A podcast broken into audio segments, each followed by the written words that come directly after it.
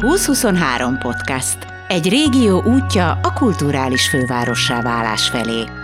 2023. Emberek, gondolatok, innováció.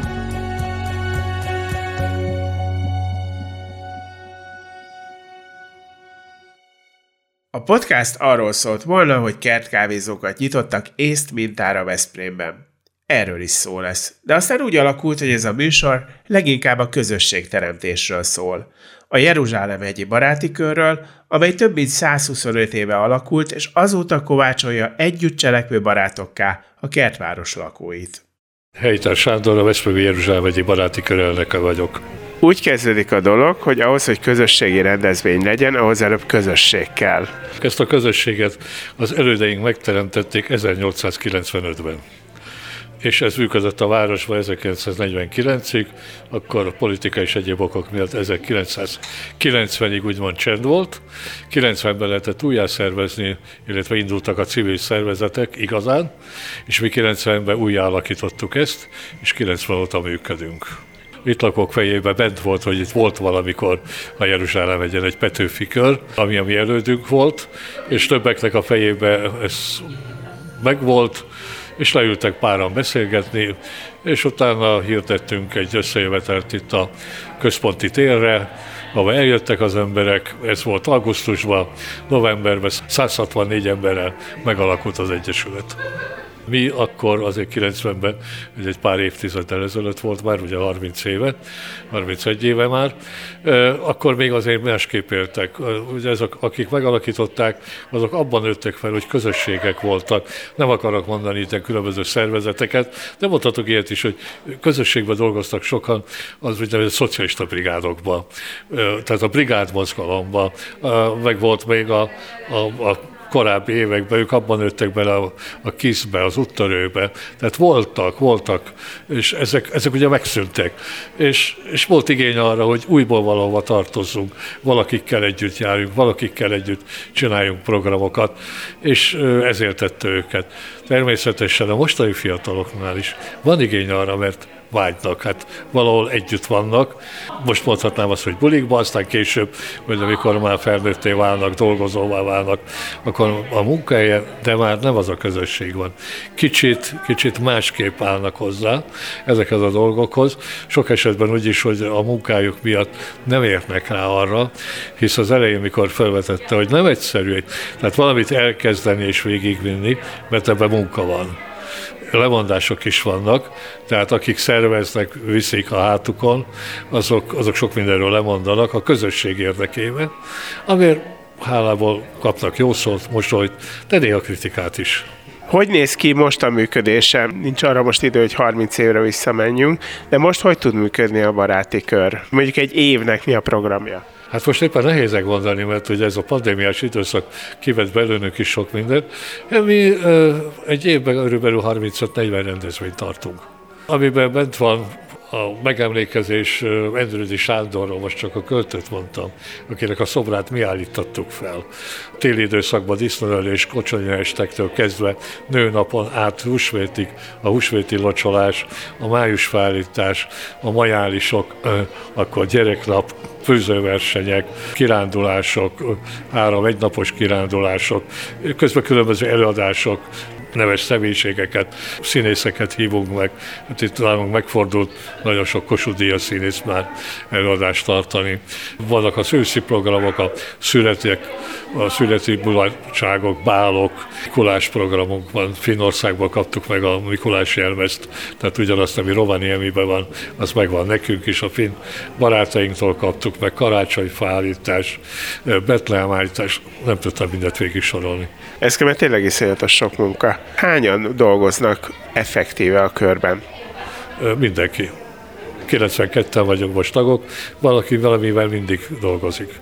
Tehát itt a kollega hangosít, a lányok sütnek, a lányok fosogatnak, a lányok takarítanak, rendbe tartjuk a házat, tehát mindenki.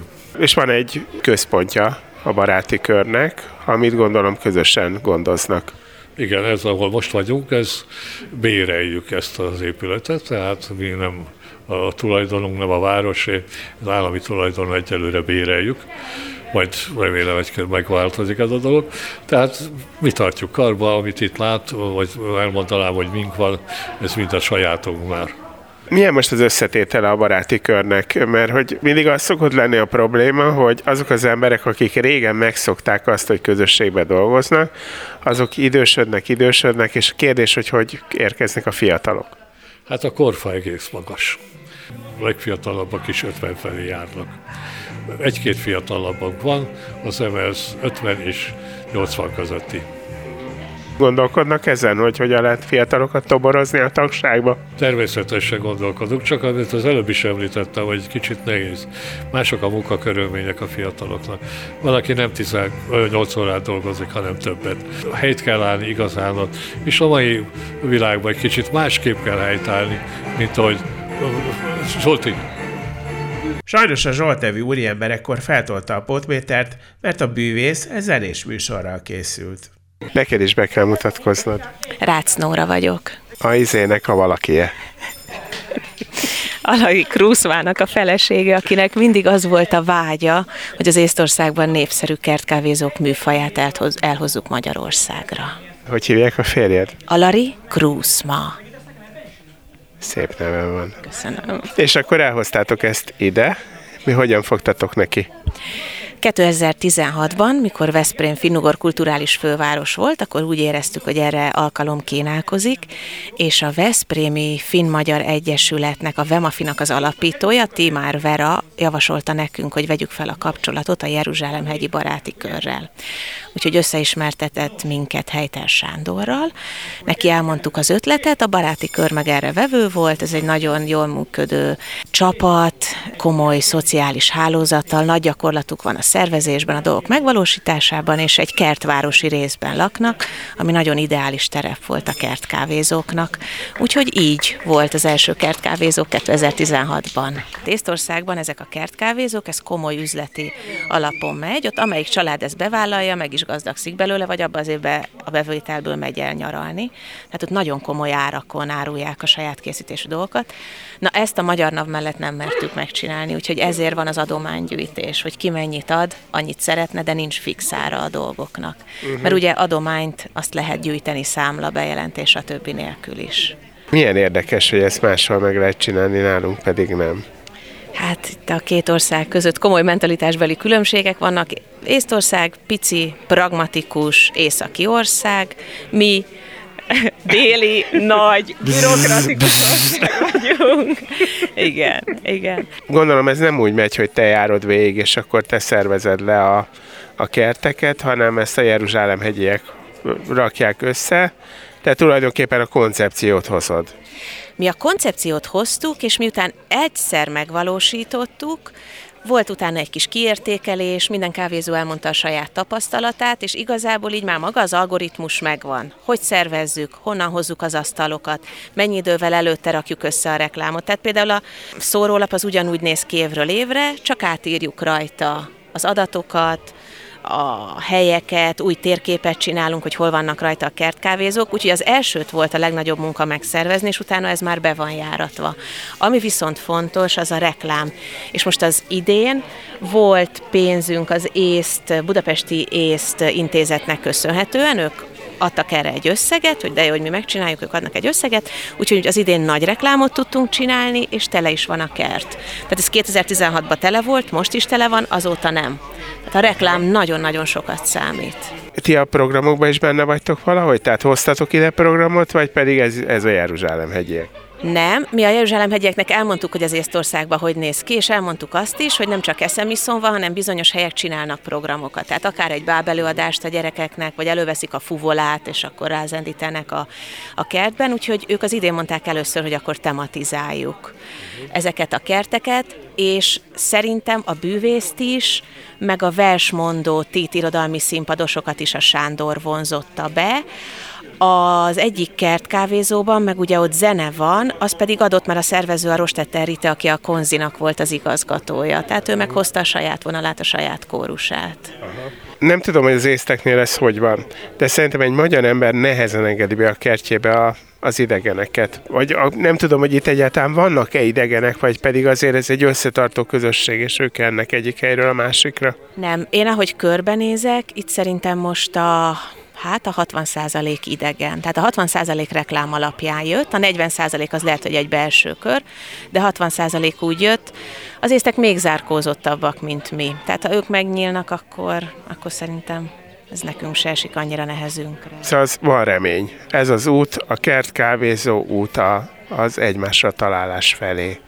Igen, igen, van remény, és, és én remélem, hogy tényleg olyasmi lesz, mint Észtországban, mert ott, amikor egy kisváros kihirdeti, hogy mondjuk július 17-e, ami kertkávézó napunk, akkor oda özönlenek a turisták Észtországból. És akkor megkapják a kis térképüket, nézik, hogy hogy tudják végigjárni, tehát teljesen ismeretlen városokba mennek el. És egy idő után ez már átmegy commerce például olyan helyekre, ami már nem szeretünk menni, ami 20 éve megy, mert ott az van, hogy a tallini kávézók kitelepülnek bizonyos kisvárosok városok kertjeibe, megkérik a tulajt, hogy ide jöhetek-e, és akkor azt elszem, amit egy tallini kávézóban ennék. Tehát ez már nem jó. Addig jó az első néhány évben, amíg még tényleg helyi és igazi és autentikus. Most jönnek a veterán motorosok? Hát az lehet, tényleg itt brümmögnek. Elvileg a veterán motorosok. Jó, jó, Köszönöm megnézzük. Köszönöm, hogy jöttél. A veterán motorosok megérkeztek. Most kéne elővenni egy receptes füzetet, mert hamarosan kukorica prósza recept érkezik. Elmutatkozik nekem? Igen, Varga Lászlóné vagyok, Stöci, az a Bece nevem, és ha rendezvényünk van, mindig megbeszéljük, hogy ki mit csinál. Így a sütés most rám maradt, jó meleg volt a sütőm, és kétfélét sütöttem, az egyik egy szort rétes, magyarul szólva lusta asszony rétese, a másik meg kukorica prósza. Ezt még az édesanyámtól tanultam. Kukorica lisztet kell venni, 40 deka kell egy adaghoz, azt elmondom, 7 deci tejet fel kell forralni, és avval leforrázni a lisztet, összekeverni simára, míg ez hűl, addig 5 tojás sárgáját 14 deka cukorral ki kell keverni, és akkor ezt hozzákeverjük ehhez a masszához, az öt tojás fehérjét meg fölverjük, és azt is belekeverjük, mint a piskóta, úgy kell vele bánni. És akkor kizsírozott vagy kivajazott tepszébe beleöntjük, meg, és akkor megszórjuk a tetejét szilvalekvárral. Megismerkedhettek egy népszerű észtitallal, a kalival.